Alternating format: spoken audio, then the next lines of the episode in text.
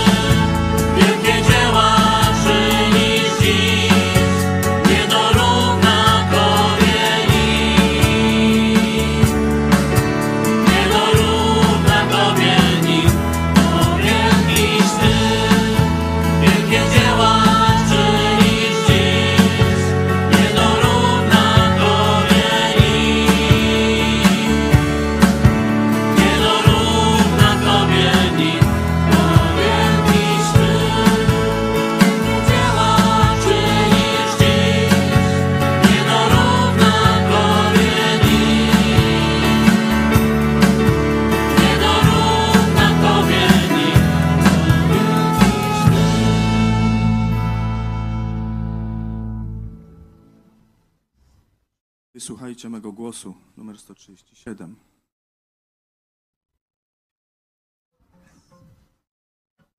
Wysłuchajcie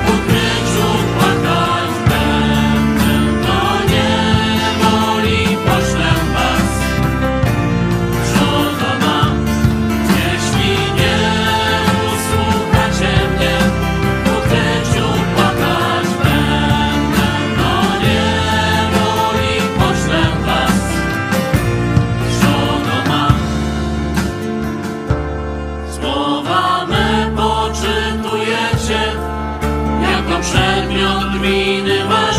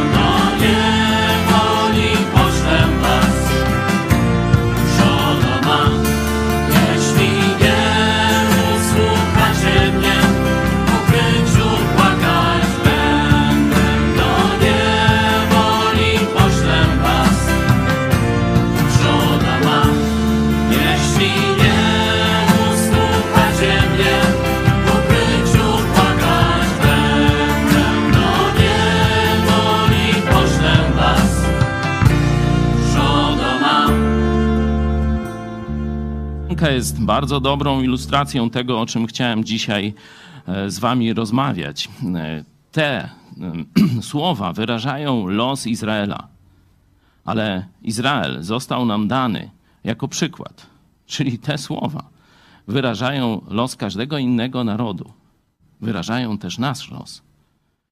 I pytanie dzisiaj,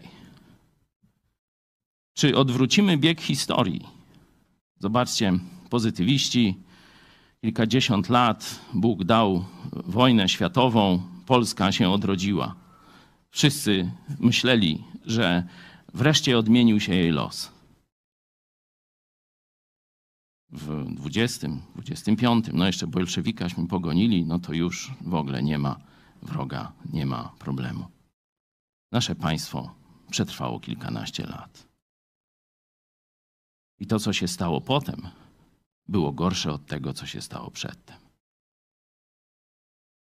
Co poszło nie tak? Dlaczego, kiedy już wydawało się, że złapaliśmy Pana Boga za nogi, przyszli Niemcy i Ruscy? I do dzisiaj nie możemy się z tego wykaraskać. I czy jest metoda? Czy jest jeszcze nadzieja? W tej piosence, w tych tekstach biblijnych jest też odpowiedź. I za chwilę będziemy czytali Biblię. Tylko pytanie, czy my się tą odpowiedzią przejmiemy? Pokolenie lat dwudziestych Kolumbów pięknie było wychowane patriotycznie. Zdali egzaminy na wszystkich frontach powstaniu i tak dalej.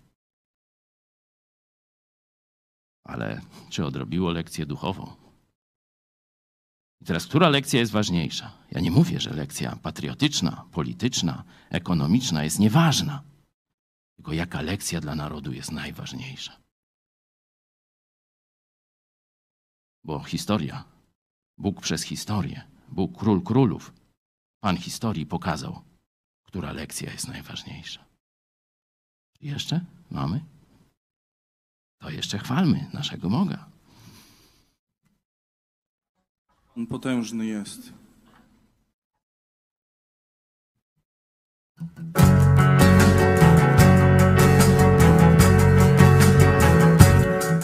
Bóg potężny króluje, Mu chwała i cześć.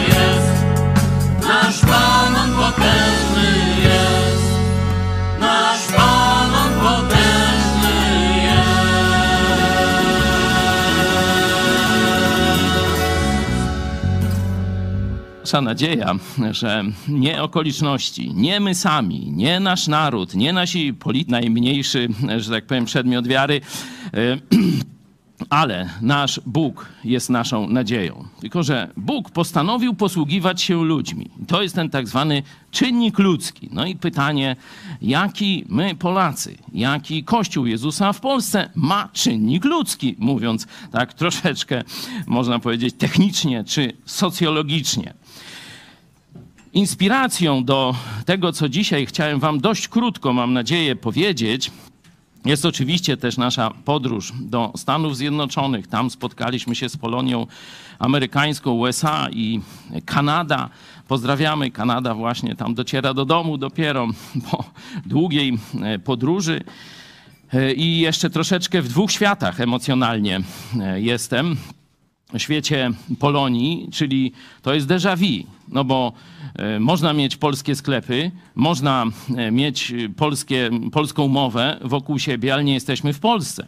Ale nie jesteśmy w Polsce. Oni są na wygnaniu. Oni już są na wygnaniu, a dzisiejsze pytanie to jest, czy my wszyscy będziemy niebawem na wygnaniu. Widać, że ten proces wyganiania Polaków z Polski, on ciągle trwa. Tu. Oczywiście część z Was wróciła, e, niektórzy jeszcze o tym też myślą, planują, ale cały czas kilka, może więcej niż kilka, może prawie 10 milionów Polaków, a jeszcze przecież dochodzą ci, którzy często podchodzili do nas, mam polskie nazwisko, mam polskiego pradziadka, ni w ząb nie umiem po polsku już nawet ani jednego słowa. Y, Podobnie mogą powiedzieć Ukraińcy, mogą powiedzieć Czesi, Litwini, Łotysze i tak dalej, i tak dalej. Cała dawna Rzeczpospolita gdzieś jest na wygnaniu, czy szerzej ten obszar Trójmorza. No i teraz chciałem, żebyśmy przeszli do inspiracji biblijnych. Zaraz po przyjeździe mieliśmy tu, jesteśmy w trakcie, czwarty dzień naszych spotkań e, biblijnych e, i też związanych z telewizją Idź Pod Prąd, bo od czwartku zaczęliśmy zjazd e, widzów telewizji Idź Pod Prąd, potem Instytut Polsko-Ukraiński, Instytut Biblijny, no i dzisiaj finisz. Jednym z gości naszego instytutu był profesor Bas McNatt ze Stanów Zjednoczonych, który no, na nowy sposób pięknie przybliżył historię Izraela. Właśnie tak, żeby ona była, e, że tak powiem, czytelna i pełna zastosowań do naszego życia. I po tym wykładzie stwierdziłem, że te dwie perspektywy, naszą taką, można powiedzieć, polską perspektywę z perspektywą biblijną, trzeba połączyć, by otrzymać zastosowanie, by otrzymać zastosowanie. I profesor Bas pokazał nam e, historię Izraela w takim bardzo wielkim skrócie. Końcówka, już podział. Pierwsze Królestwo Północne pada e, szybciej, nie miało nawet jednego dobrego króla.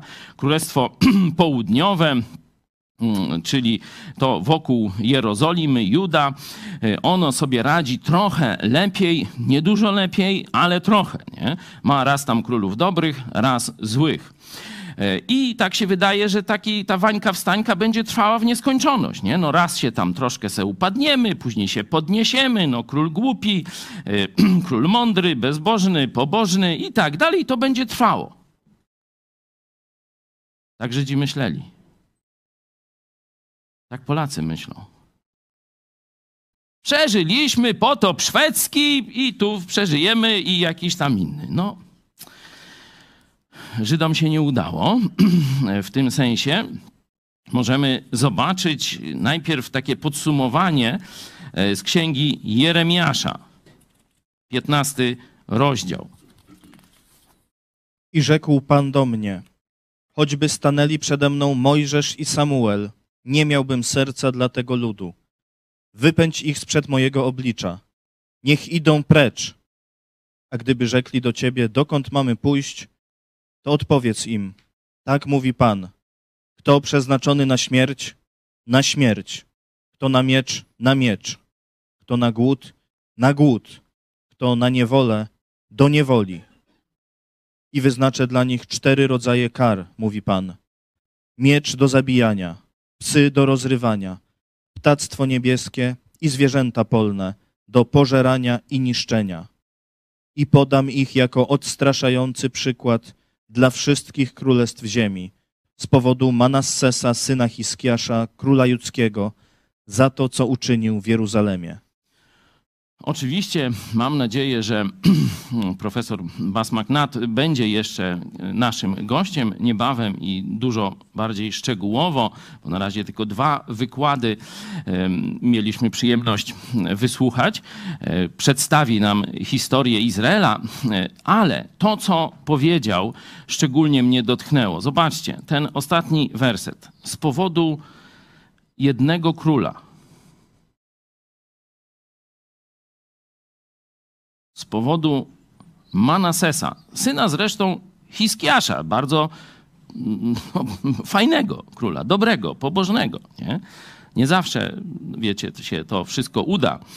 Y, Ale z powodu tego Menasesa, króla judzkiego, za to, co uczynił w Jeruzalemie, no to jest stolica, czyli w państwie, można tak powiedzieć, teraz co się stanie? Zobaczcie werset pierwszy. Nie będzie odwołania. A dokładnie nie ma odwołania już. Czyli naród, a dokładnie król, to zaraz do tego, czy naród, czy król, no to za chwilę przejdziemy. Naród przekroczył pewną granicę obrzydliwości i bezbożności. I od tej granicy, kiedy to zrobił, to już nie było odwołania. Bóg mówi: Zobaczcie, nawet jakby Mojżesz i Samuel przyszli orędować za tym narodem. Tam później jeszcze pojawił się dobry król. Ale Bóg powiedział nie. Już za to, co zrobili za Manasesa i jego tam syna Amona później. Nie ma odwołania. Idziecie na wygnanie. Koniec. Ta zabawa dobry, zły król i jakoś to będzie, się skończyła. Koniec państwa, koniec narodu. Idziecie na wygnanie. Nawet jakby sam Mojżesz przyszedł i mnie prosił, nie usłucham. Nie mówiąc już o ich prośbach. Ich prośby to już nawet w ogóle nic nie pomogą, a mówię, nawet jakby się wielcy mężowie Starego Testamentu za nimi wstawiali, nie odwołam swojego wyroku. Co byście już nie zrobili, i tak pójdziecie w niewolę. I to zobaczcie, że ta niewola nie jest miła. Nie? Tu opis jest taki dość tragiczny. Nie? No i teraz jeszcze kolejne pytanie. Z powodu Manasesa, czyli jednego człowieka. Kto ucierpi?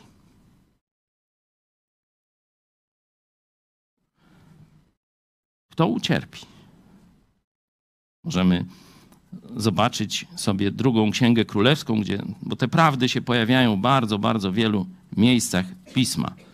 Zobaczcie, drugą księgę królewską. Do tego tekstu jeszcze wrócimy za chwilę.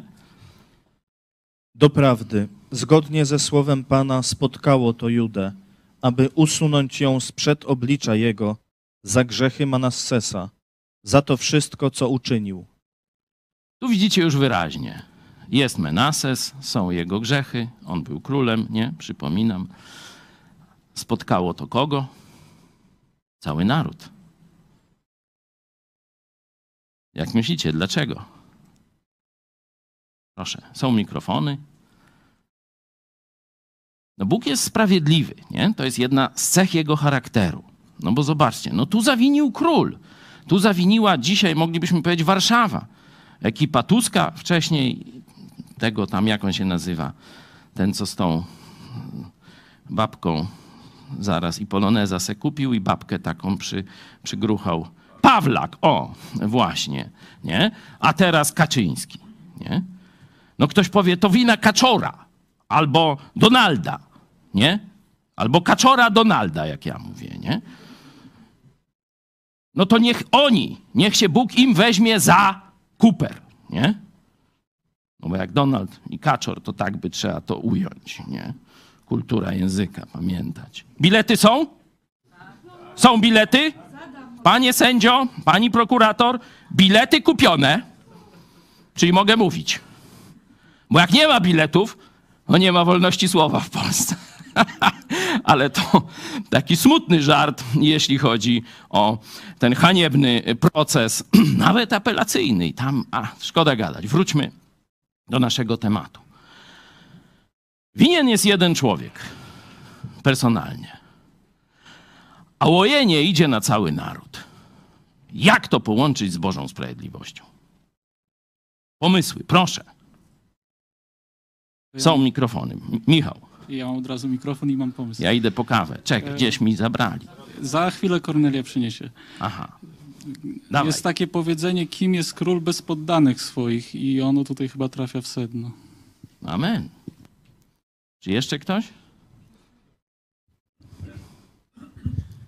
To ja chciałem powiedzieć to samo właściwie. Władza potrzebuje akceptacji swoich czynów i, jeśli, Tak. jeśli tej akceptacji nie czuje, to się, to się z pewnymi rzeczami ym, powstrzyma. Tak.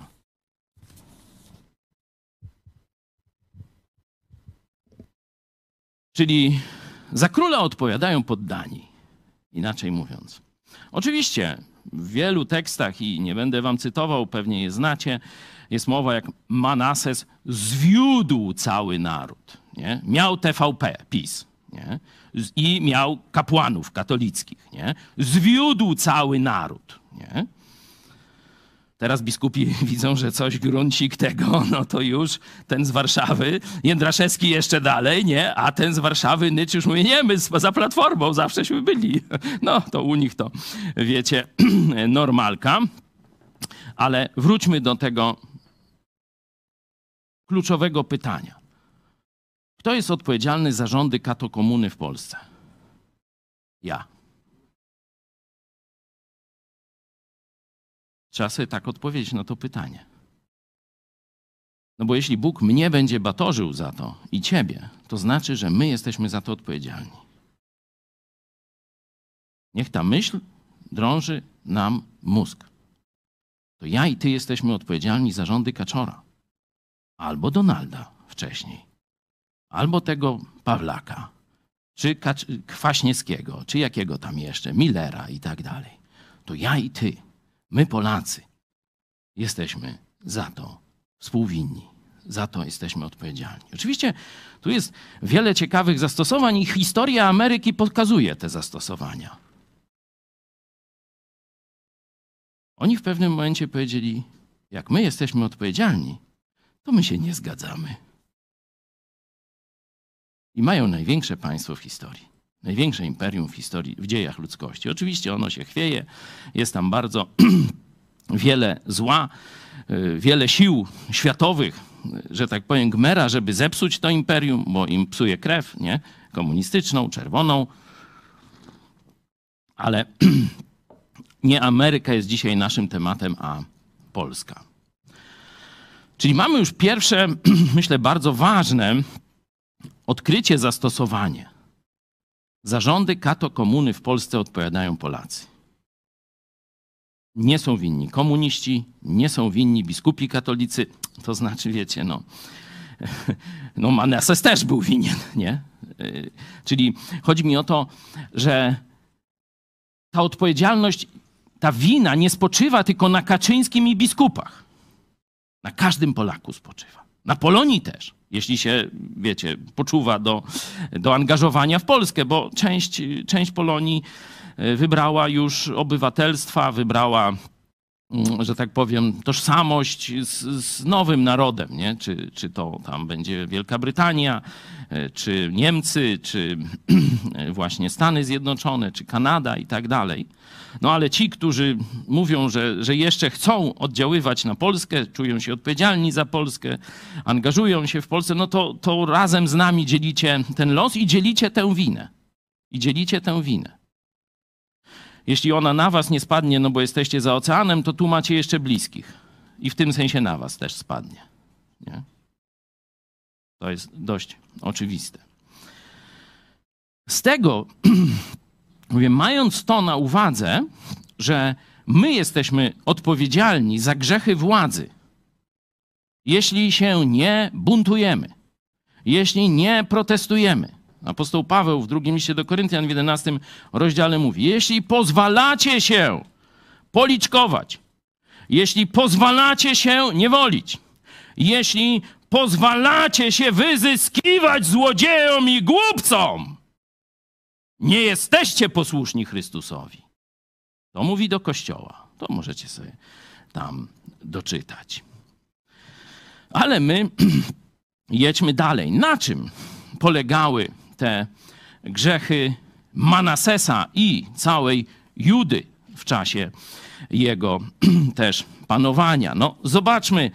Druga Kronik 33, 9 to jest, zdaje się, Przeczytajcie proszę. Lecz Manasses zwiódł Judę i mieszkańców Jeruzalemu tak, iż postępowali gorzej niż narody, które Pan wytępił przed synami izraelskimi. Pan przemawiał do Manassesa i do jego ludu, lecz oni na to nie zważali. Amen. Widzicie, jakie proste, Biblia daje proste takie informacje. Proste i jasne. Zobaczcie, Żydzi, to pokole- te plemiona dwa południowe pod wodzą tego króla Manasesa, postępowali, i tu już jest liczba mnoga, nie, ma, nie Manases postępował, tylko można powiedzieć już cały naród, możemy my do Polski to przenieść, czy każdy naród do swojego e, podwórka, postępowali gorzej niż narody, które Pan wypędził. Wiecie, tam e, w ogóle e, te narody nie znały Boga. Czciły bałwany na różne sposoby. E, Żeby zdobyć, byli strasznymi egoistami do tego stopnia, że e, żeby zdobyć e, przychylność tych swoich wyobrażeń bogów, to swoje dzieci składali w ofierze, żeby dla siebie, dla rodziców kupić przychylność. Nie? To właśnie te ofiary Molocha tam i różne takie rzeczy. Troszkę film e, Apokalipto, tak? E, Pokazuje taki, taki świat właśnie. Nie? No to, to taki świat, tylko jeszcze gorszy, był przed przyjściem Żydów, narodu wybranego, który miał pokazać światu świętość Boga. Między innymi. Nie? No to pokazał, Bóg mówi z Jeremiasza, zaraz do tego wrócimy, no wszystkie narody będą teraz miały na was lekcje. Nie? Oni zaczęli postępować gorzej niż narody. No zobaczcie, jak Bóg jest łaskawy, jak jest cierpliwy.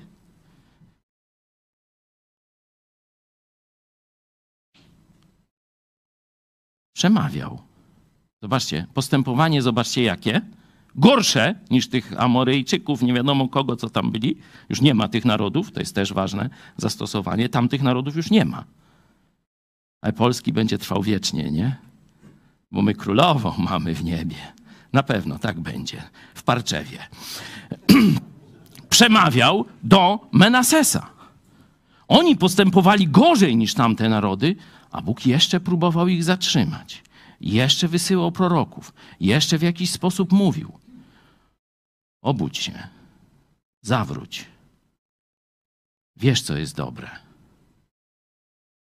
Menases miał tam na koniec pewien epizod, ale to zostawimy, to mu nie pomogło, tak ogólnie, jeśli chodzi o los całego narodu. Jego syn, że tak powiem, dokończył dzieła e, zniszczenia, ale pokazuje tylko, że grzech tego ludu był wielki, bo postępowali gorzej i nie reagowali na ostrzeżenia, które Bóg dawał.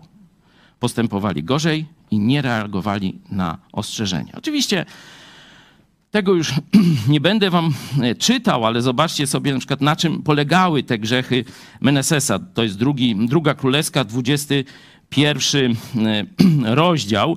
Tam możemy e, całą historię tych, zobaczcie, o już z powrotem wznosił Baalowi ołtarze, sporządzał aszery, to wszystko, całe bałwochwalstwo wróciło na ogromną skalę, e, ale do tego też dołożył bezprawie. Dołożył, symbolem bezprawia jest przelewanie niewinnej krwi.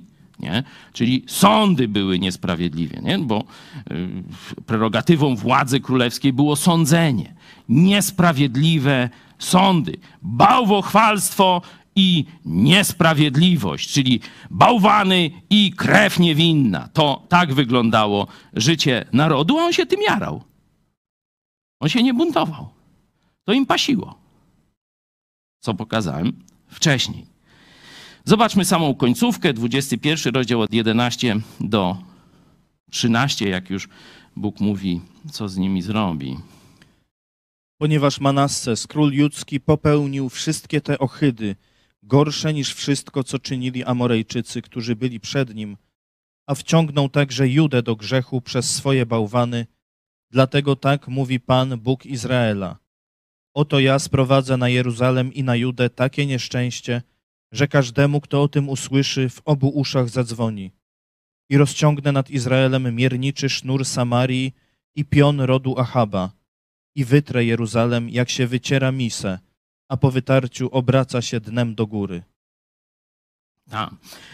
Ciekawe jest, że nawet będąc już na wygnaniu, kiedy to wszystko na nich spadło, e, zobaczmy e, z księgi Ezechiela, ósmy rozdział. Co Żydzi robili? I rzekł do mnie, Synu człowieczy, podnieś swoje oczy w stronę północy. A gdy podniosłem swoje oczy w stronę północy, oto na północ od bramy wschodniej był u wejścia ten znienawidzony posąg. I rzekł do mnie, Synu człowieczy, czy widzisz, co oni robią, te wielkie obrzydliwości, których dopuszcza się tutaj dom izraelski, aby mnie oddalić od mojej świątyni, ale ty zobaczysz jeszcze większe obrzydliwości. I zaprowadził mnie do bramy dziedzińca, a gdy spojrzałem, oto w ścianie była dziura. I rzekł do mnie, Synu człowieczy, przebij ścianę. A gdy przebiłem ścianę, oto było tam przejście. I rzekł do mnie, wejdź i zobacz te straszne obrzydliwości, które oni tutaj popełniają.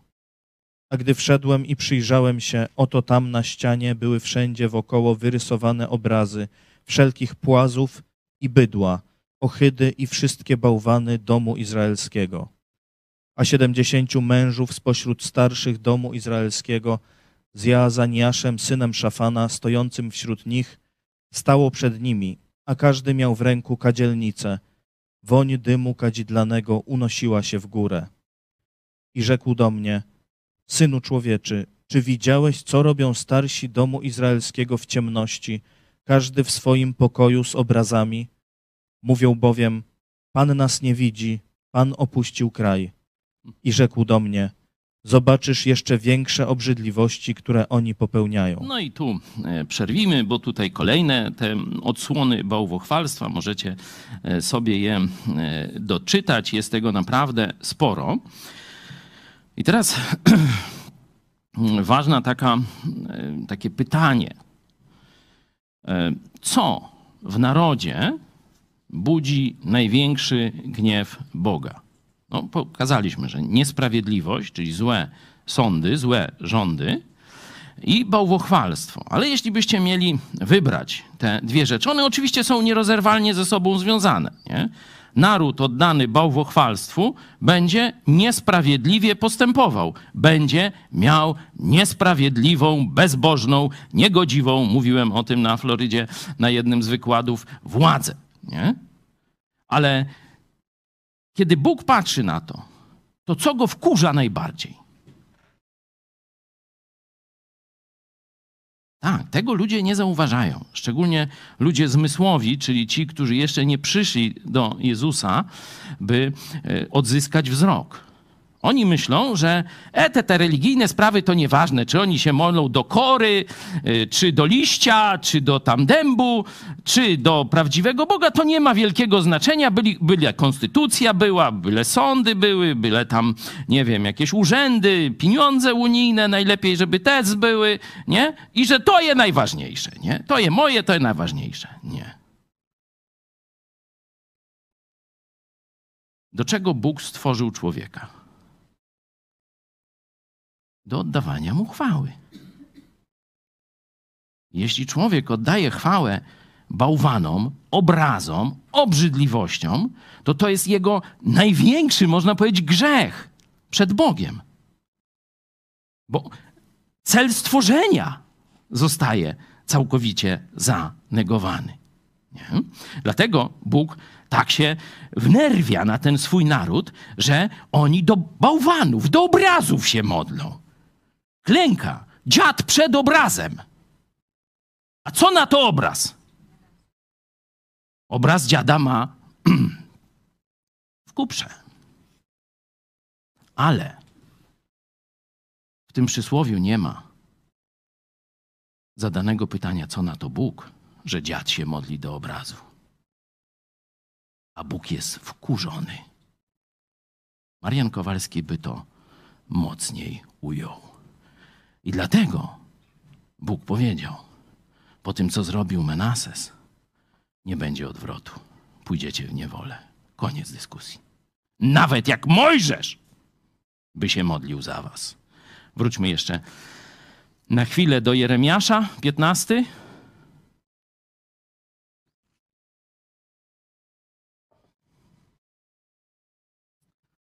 Widzicie, po co jest ta lekcja? Po co jest ta lekcja na Żydach?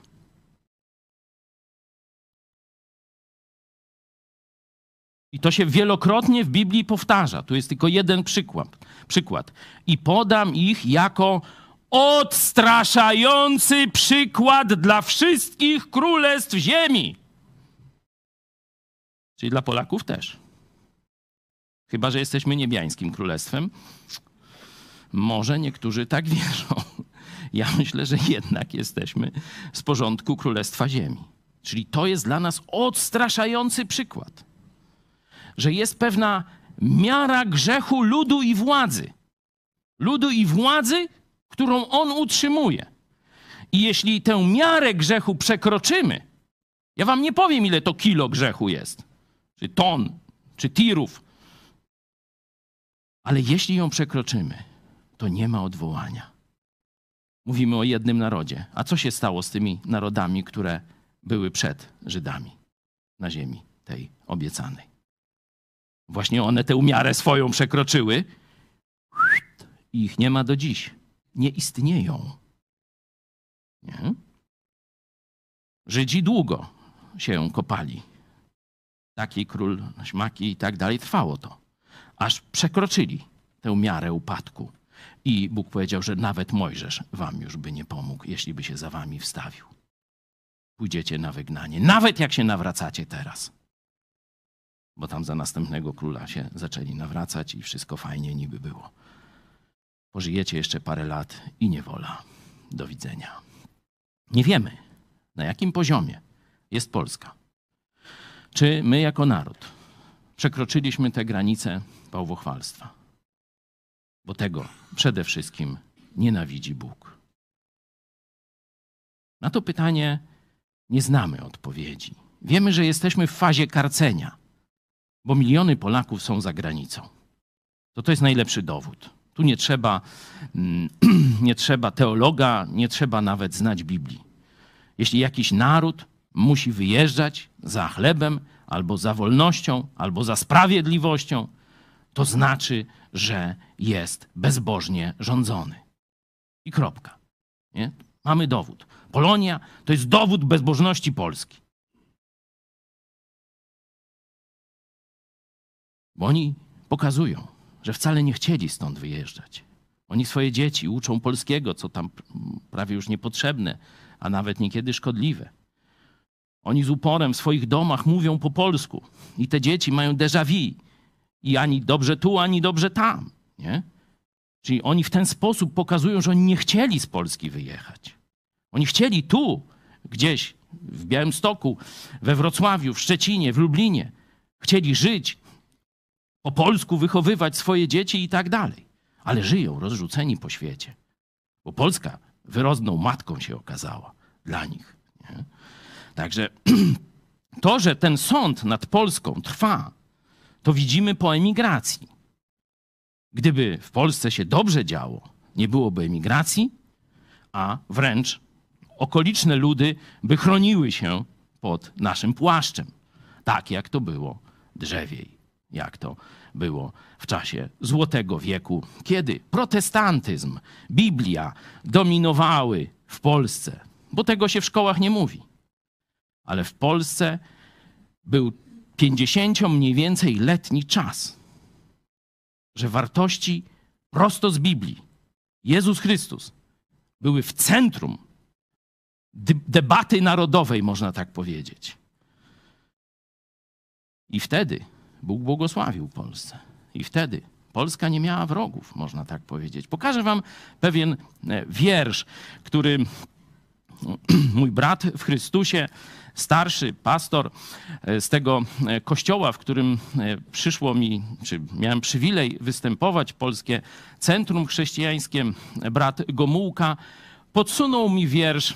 To już jest, że tak powiem, schyłek. To już jest mniej więcej 100 lat po Złotym Wieku, druga połowa XVII wieku. Żadnej krainie Bóg nie błogosławił tak jak Polsce. Widzicie, jak, to, jak oni rozumieli to. Kilkaset lat temu polska elita Morsztyn wy, wy, wywodził się ze środowiska szeroko rozumianego protestantyzmu. Nie był bardzo oddany Bogu i traktował to raczej instrumentalnie, ale wyszedł z tego środowiska.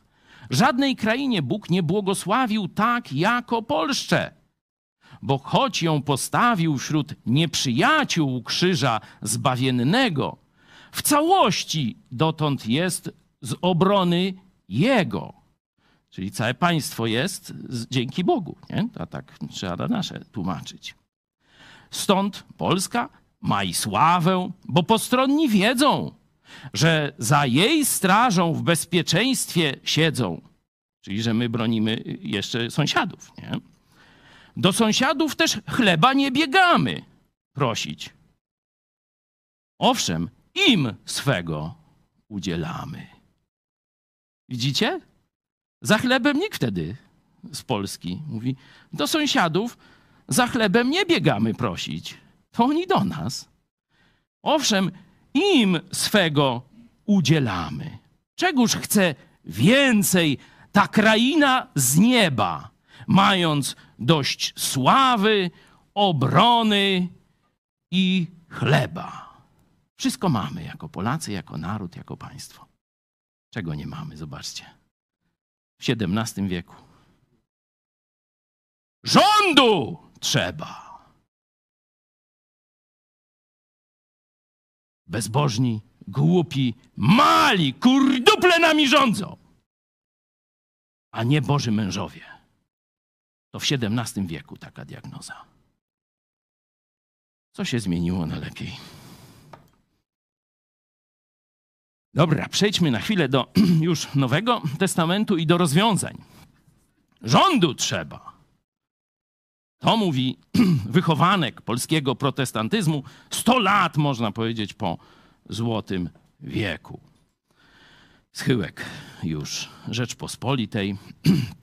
Dzieje apostolskie, 17 rozdział, to tylko krótko. Bardzo często o tym mówię, ale e, chcę tylko pokazać, że to wszystko, co mówiłem o Izraelu, stosuje się do wszystkich narodów i to już apostoł Paweł jasno objawił e, w elicie greckiej tu akurat.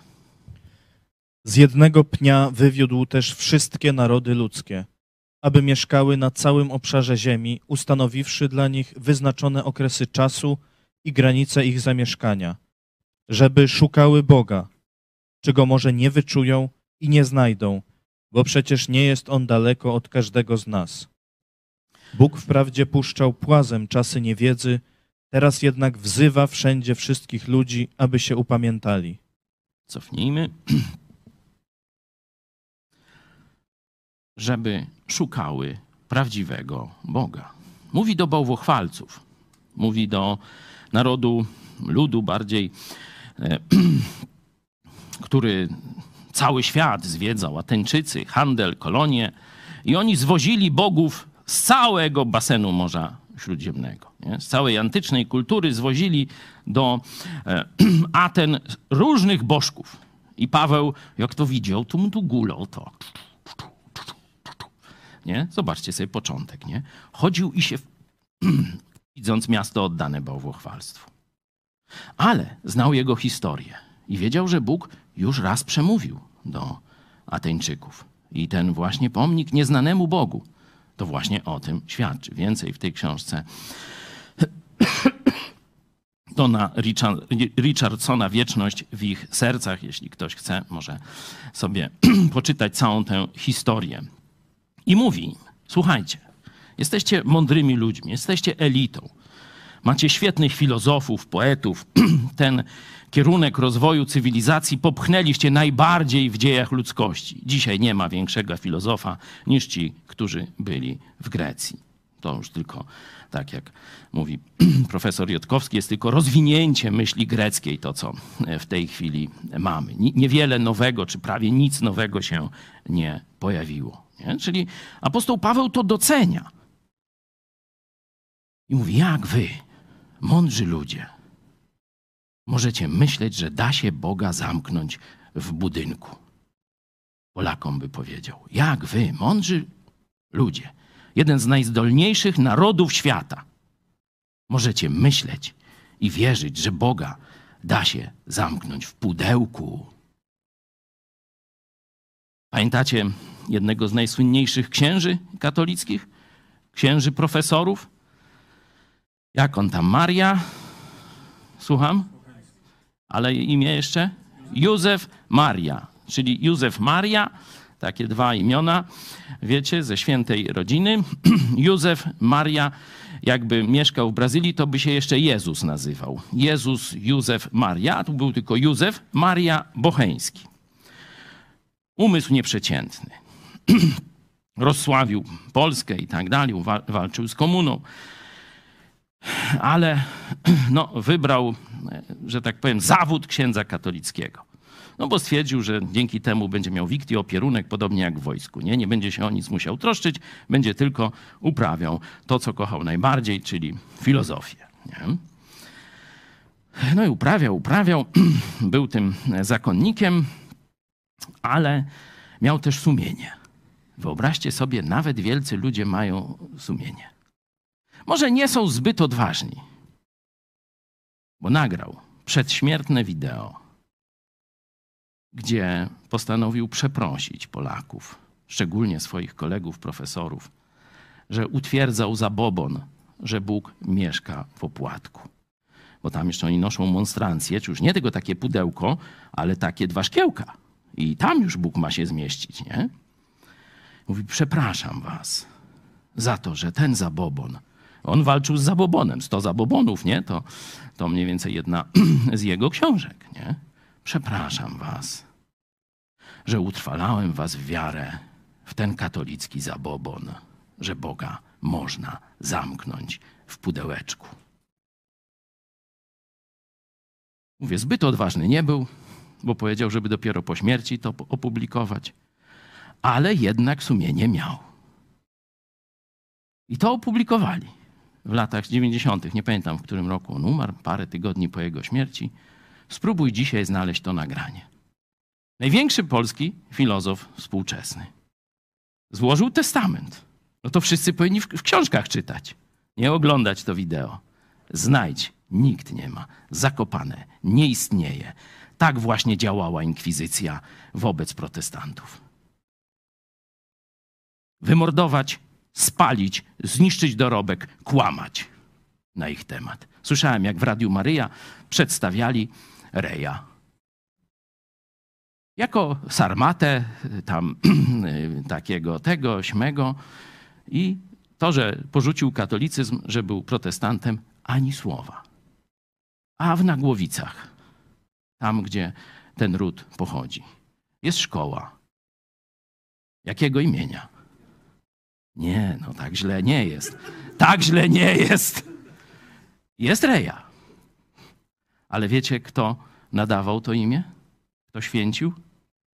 Biskup katolicki. O przewracaniu w grobie się nie będę mówił, bo nie wierzę w to, nie? Ale sprawiedliwość kiedyś będzie. Także to jest Polska, nie? A dokładnie, to jest jezuicki jad w Polsce mordowanie, palenie, niszczenie dorobku i kłamanie na bezczela. Zobaczcie, tu o Reju, tu o Józefie Marii Bocheńskim. Dokładnie tak samo. Dokładnie tak samo. I naród na to pozwala. My na to pozwalamy. Przypominam. Stąd odpowiedzialność za to, karcenie Boże za to spadnie na ciebie i na mnie. I Bóg rozwinął to, że wszystkie narody w ten sam sposób traktuje, wzywając je do nawrócenia. Przede wszystkim właśnie od bałwochwalstwa, bo o tym Paweł wcześniej mówił. No i teraz fajnie. mamy rozwiązanie, czyli mamy wezwać naród do nawrócenia. Nie?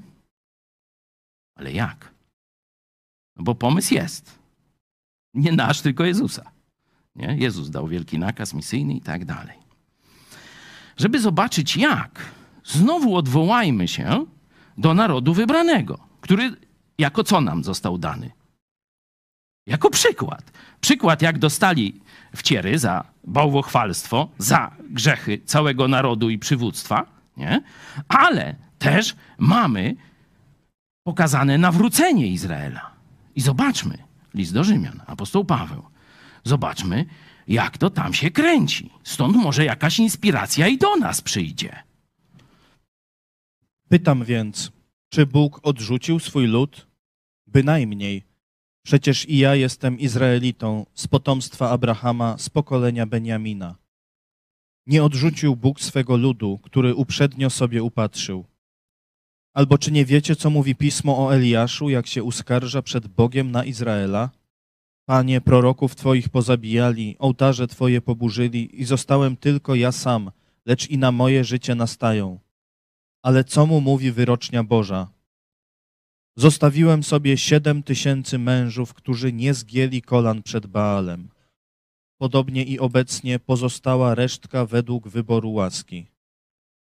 Bo jeśli ich upadek stał się bogactwem świata, a ich porażka bogactwem pogan, to o ileż bardziej ich pełnia. Dzięki. Oczywiście są tu elementy, które e, tylko, że tak powiem, w sposób wyłączny należą do Izraela. Nie? E, My nie jesteśmy narodem wybranym i tak dalej, ale sposób, w jaki Bóg uratował, podobnie jak sposób, w jaki Bóg, że tak powiem, karcił, nie? są uniwersalne, są wzorcowe, można tak powiedzieć. I cofnijmy. Co tutaj jest właśnie tym wzorcem uniwersalnym? Resztka. Widzicie to słowo? Resztka. Resztka to, no to mało, nie? To jest jakaś, jakaś skromna mniejszość, o tak powiem, nie? Jest tylko resztka ludzi. Nie? Kiedy naród upada, kiedy pogrąża się w odmęt niesprawiedliwości, bezbożności i bałwochwalstwa, jest resztka, którą Bóg trzyma. Nie będziemy wchodzić w to, jak trzyma i tak dalej, tylko jest ta resztka.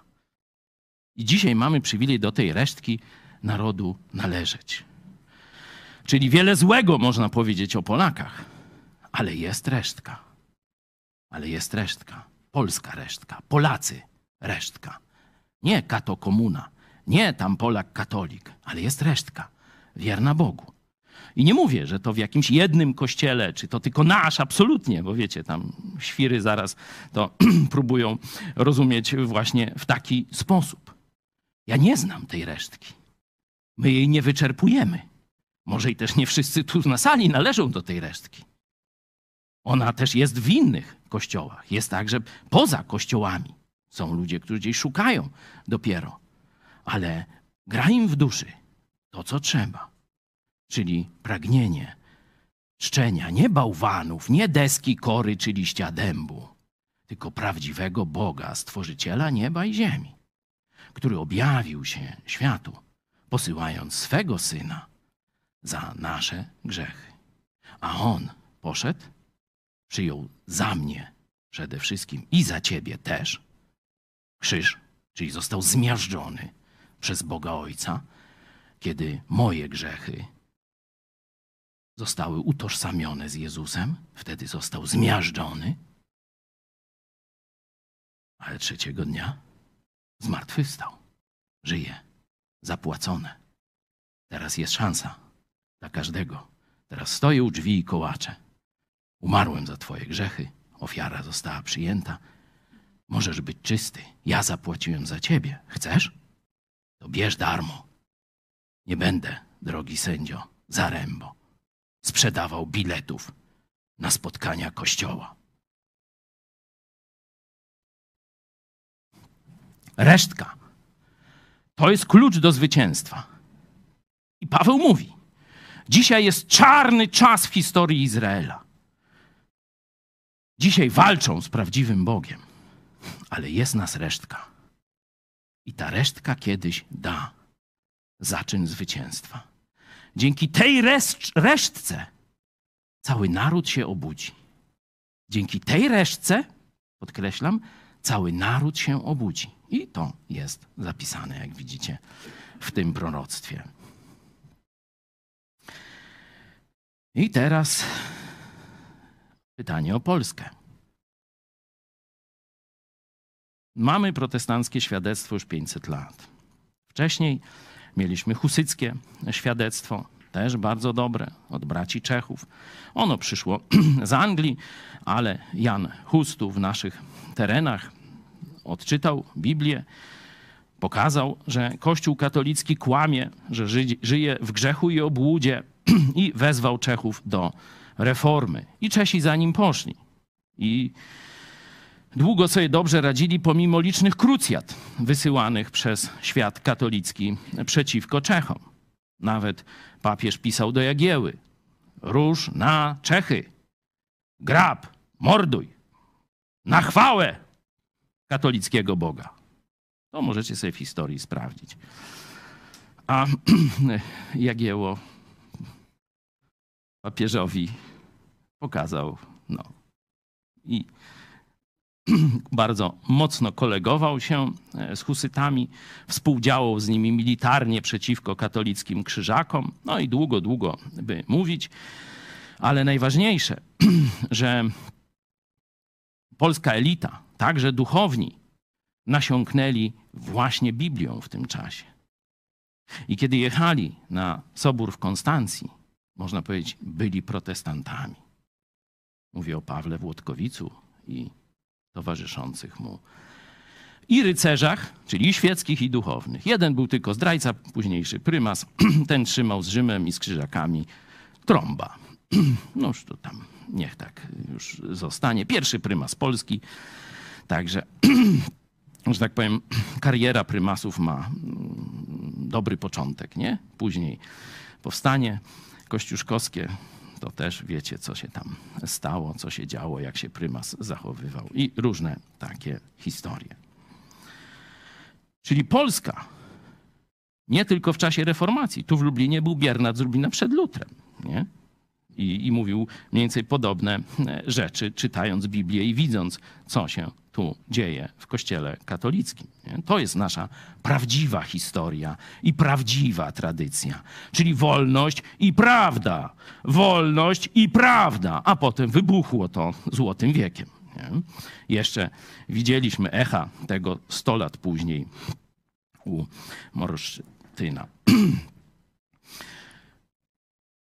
Nasza tradycja jest, ale jak ktoś przeczyta książkę Piotra Setkowicza Słomiany ogień, no to zobaczy, że pope- popełniliśmy wiele błędów jako protestanci. Nie potrafiliśmy się zjednoczyć, nie potrafiliśmy wybrać króla e, podle naszych standardów.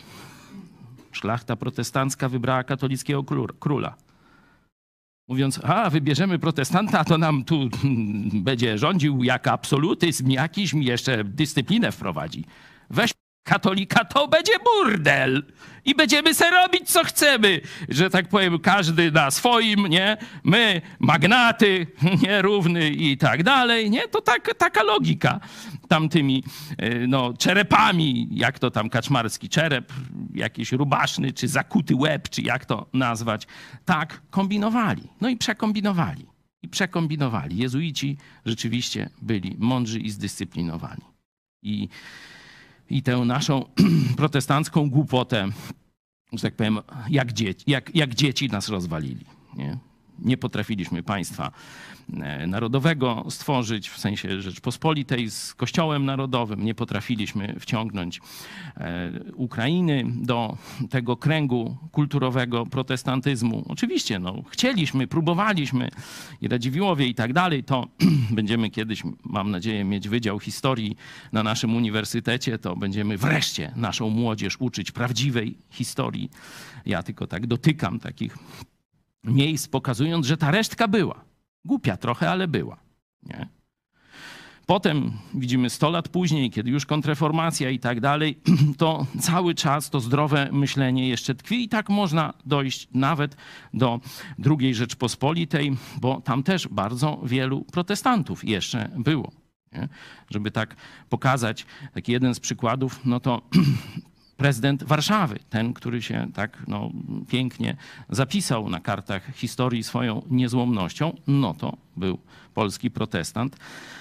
A jeszcze ich było bardzo, bardzo wielu. Ale emigracja, komuniści spowodowali, że kolejne odsianie, kolejne osłabienie, no i teraz jesteśmy my. Tu jeszcze mówię, Joe Łosiak, ksiądz Blachnicki, ruch oazowy, dolali do tej resztki. Nie? Może kilkadziesiąt, może kilkaset tysięcy nowonarodzonych ludzi jest w Polsce. Oni są pogubieni, ale należą do Jezusa Chrystusa. Nie? I, czyli mamy tę resztkę. No i teraz, co ta resztka ma zrobić? Co ta resztka ma zrobić? Przeczytajmy list do Efezjan, a potem jeszcze króciutko historia. Dochodźcie tego, co jest miłe Panu i nie miejcie nic wspólnego z bezowocnymi uczynkami ciemności, ale je raczej karćcie, bo to nawet wstyd mówić, co się potajemnie wśród nich dzieje. Wszystko zaś dzięki światłu wychodzi na jaw jako potępienia godne. Wszystko bowiem, co się ujawnia, jest światłem.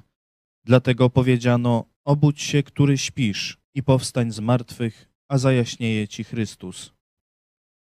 Baczcie więc pilnie, jak macie postępować.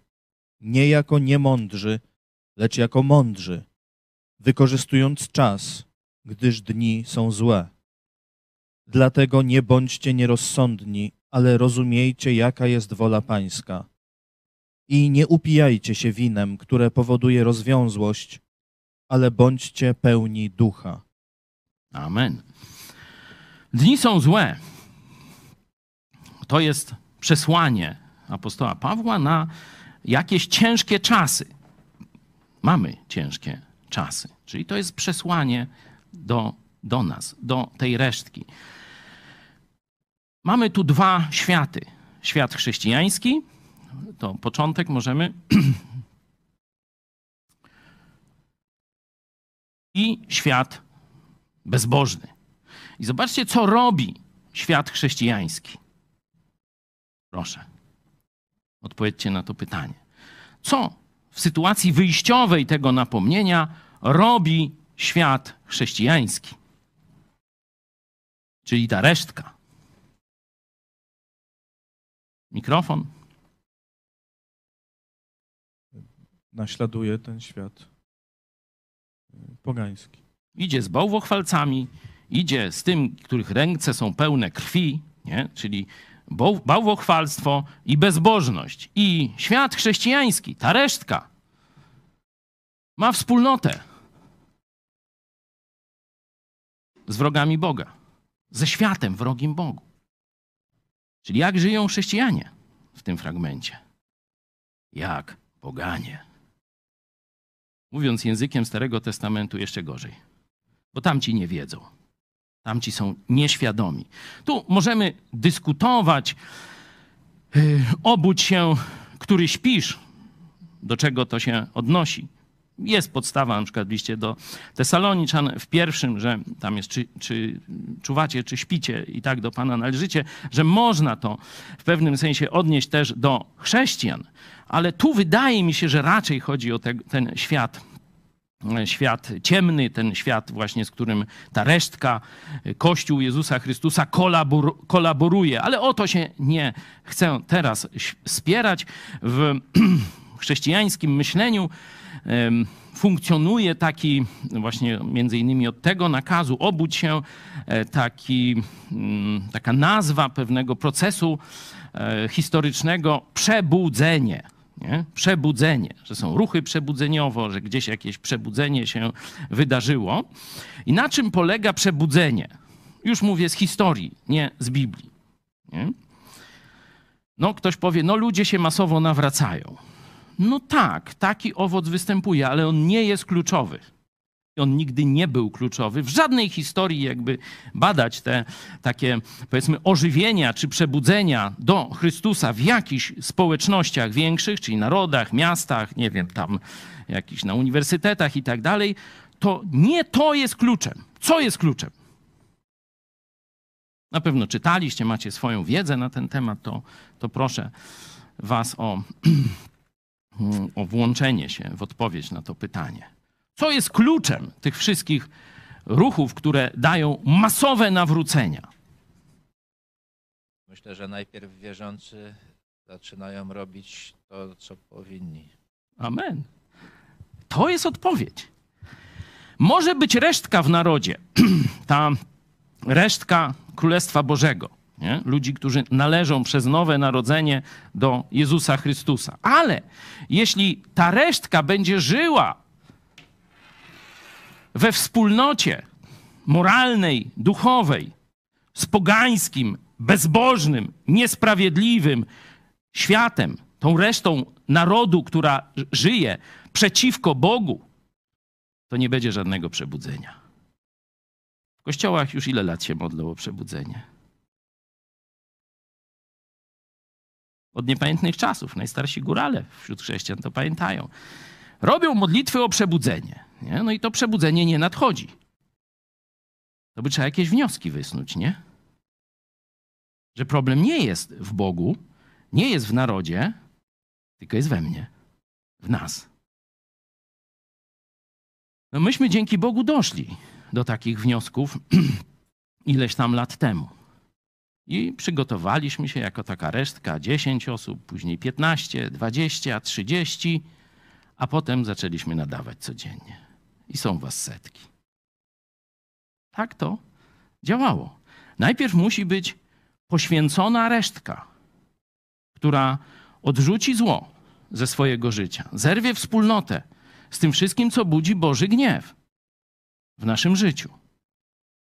I będzie żyła świętym życiem, koncentrując się na poznaniu woli Boga.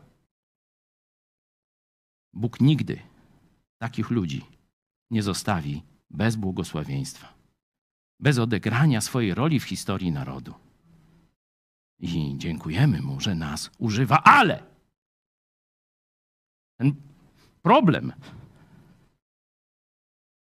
wspólnoty ze złem dotyczy także i nas. Dlatego chciałem, żeby dzisiaj, to powiedziałem, że modlę się o zastosowanie, by każdy z nas zrozumiał swoją rolę.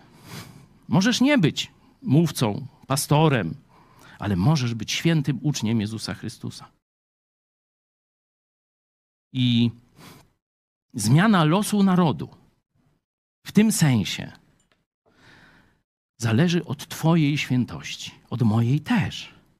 No ale to ja już do siebie to powiedziałem wcześniej, a teraz mówię do Was. Czyli los narodu, zobaczcie, los narodu zależy od jakości Twojego chrześcijańskiego życia. Dlatego chciałem, dzisiaj za chwilę będziemy wspominać Jezusa w tym znaku łamania chleba i picia wina. To jest znak trwania w Jezusie. Ma też różne inne aspekty, nie? Głosimy śmierć pańską, aż przyjdzie. Pokazujemy jedność, nie? że z jednego chleba jesteśmy, z jednego Jezusa wszyscy. Ale przede wszystkim ma nam przypomnieć, ma nas skłonić do zadania sobie głębokich pytań, jak apostoł Paweł mówi w liście do Koryntian w pierwszym, jedenastym rozdziale. Osądźcie sami siebie. Spójrz na siebie. Czy rzeczywiście ten opis, zobaczcie, pierwsze, co jest miłe Panu, co dzisiejsza kultura ci do głowy łopatą serwuje. A mnie się wydaje, ile razy ja to słyszę w kościołach, nie? Mówię prostą naukę Bożą, a on a mnie się wydaje. No dobrze, że ci się wydaje, ale ty masz szukać tego, co się Bogu wydaje, a nawet nie wydaje, tylko on wie i mówi, nie? Tobie się może wydawać, mi się może wydawać, a my mamy dochodzić tego, co jest miłe Bogu, a nie mi, nie?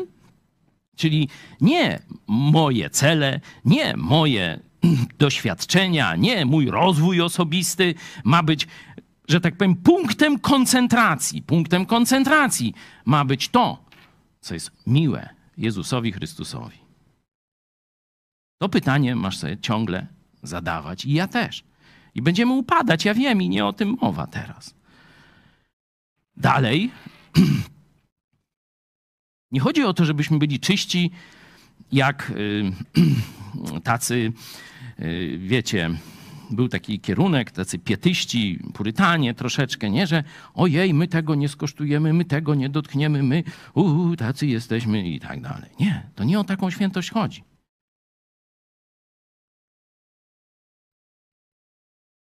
Pierwsze, co jest miłe Panu.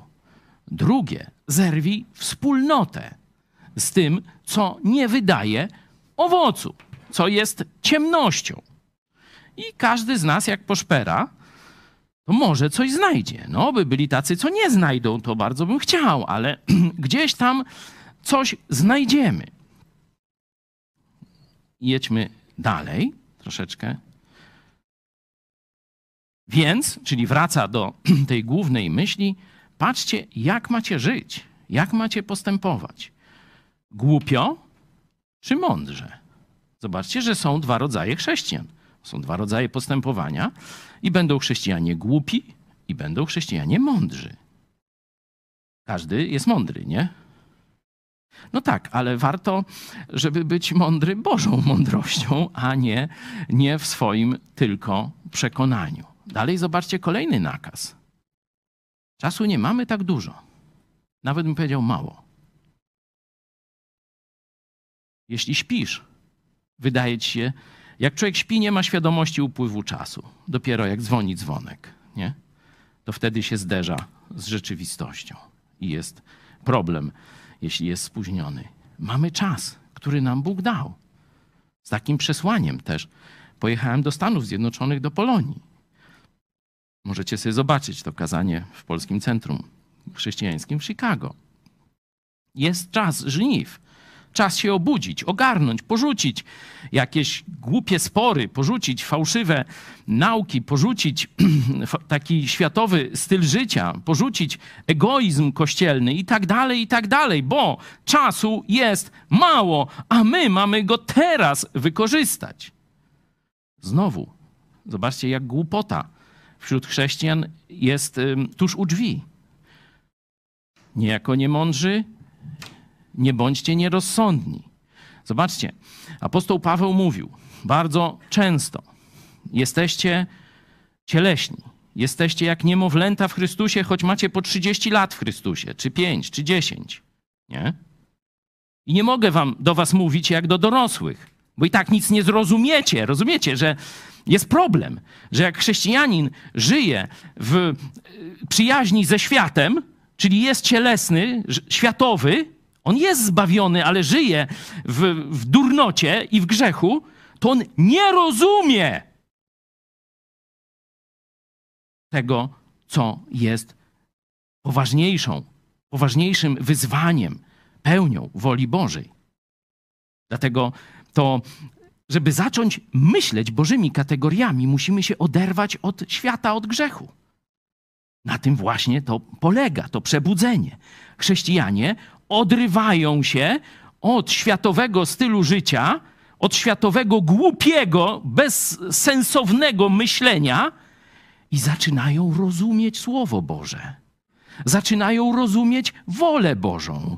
Zaczynają rozumieć Boży timing.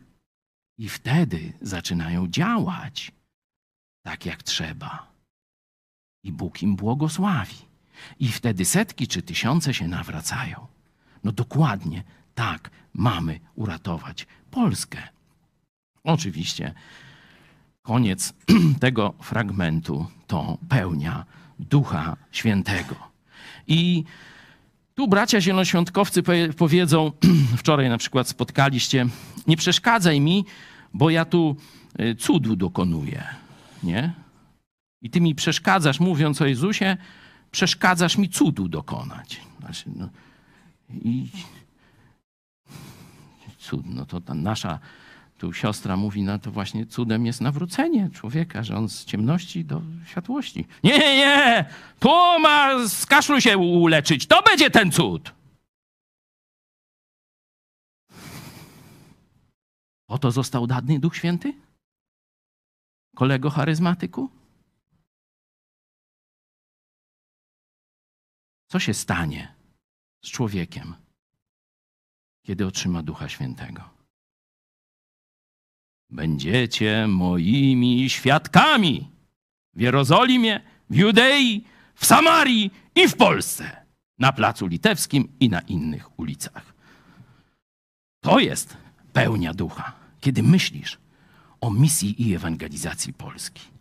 I jeśli chrześcijanie się przebudzą, jeśli wyjdą z tych skorup, z tego dziecięcego myślenia, z tego stania jedną nogą przy Bogu, a drugą przy Belzebubie, to wtedy zaczną widzieć i potrzebę swojego narodu, i możliwości swojego Boga, i przystąpią do działania. I wtedy odzyskamy Polskę. Nie ma innego patentu. Nasza historia, już nie mówię o historii Żydów, ale nasza historia nas tego uczy. Piękne pokolenie XIX, przełomu XIX i XX wieku odzyskało Polskę na kilkanaście lat. My chcemy ją odzyskać trwale, a nie zrobimy tego, jeśli nie zrozumiemy roli swojej, tej resztki w narodzie, która, którą Bóg ma użyć, żeby dotrzeć do całego narodu, bo to jest Jego wola, jasno objawiona w Biblii. Dotrzeć z Ewangelią o darmowym zbawieniu do każdego człowieka. W tym momencie będziemy się z Wami żegnać, nasi drodzy widzowie na YouTube i na YouTubie i przejdziemy do naszych grup biblijnych. Spotkamy się za chwilę w mediach społecznościowych, gdzie razem będziemy wspominać Jezusa w tym znaku łamania chleba i picia wina. Dzisiaj niech szczególnie nasze myśli idą w tym kierunku. Boże, co mam wyrzucić ze swojego życia? Gdzie mam zmienić swoje myślenie? I co w to miejsce włożyć? I co lub kogo w to miejsce włożyć? Mam nadzieję, że się jeszcze spotkamy i pójdziemy razem, idziemy po wolność do prawdziwie wolnej Polski. Do zobaczenia.